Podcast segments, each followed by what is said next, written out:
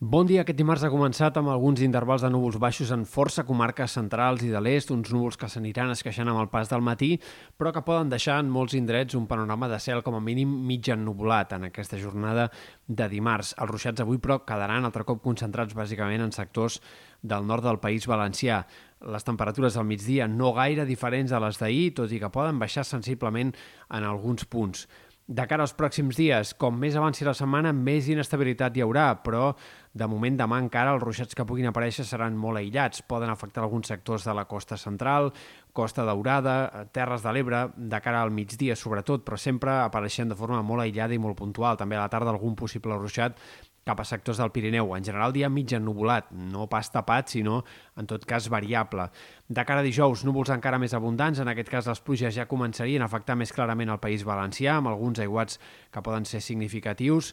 També les Pitiuses dijous podria ploure i amb ganes però a Catalunya els ruixats afectarien bàsicament alguns sectors de les Terres de l'Ebre i sembla que de forma encara bastant esporàdica. Els models de previsió van, això sí, eh, concretant cada cop més una possible situació de pluges de cara al cap de setmana. Sembla que una primera tongada de precipitacions podria arribar entre divendres a última hora o les primeres hores de dissabte, eh, encara hi ha incertesa sobre quin moment del cap de setmana i quines comarques poden ser les més afectades per aquestes pluges, però de moment cal tenir en compte aquesta possibilitat de pluges que poden ser fins i tot abundants en alguns moments del cap de setmana en comarques de la meitat est i que sembla que quedarien sobretot concentrades al voltant de dissabte, més que no pas en divendres o potser de forma més irregular de cara a diumenge, però insistim que encara hi ha moltes coses a concretar sobre tot això.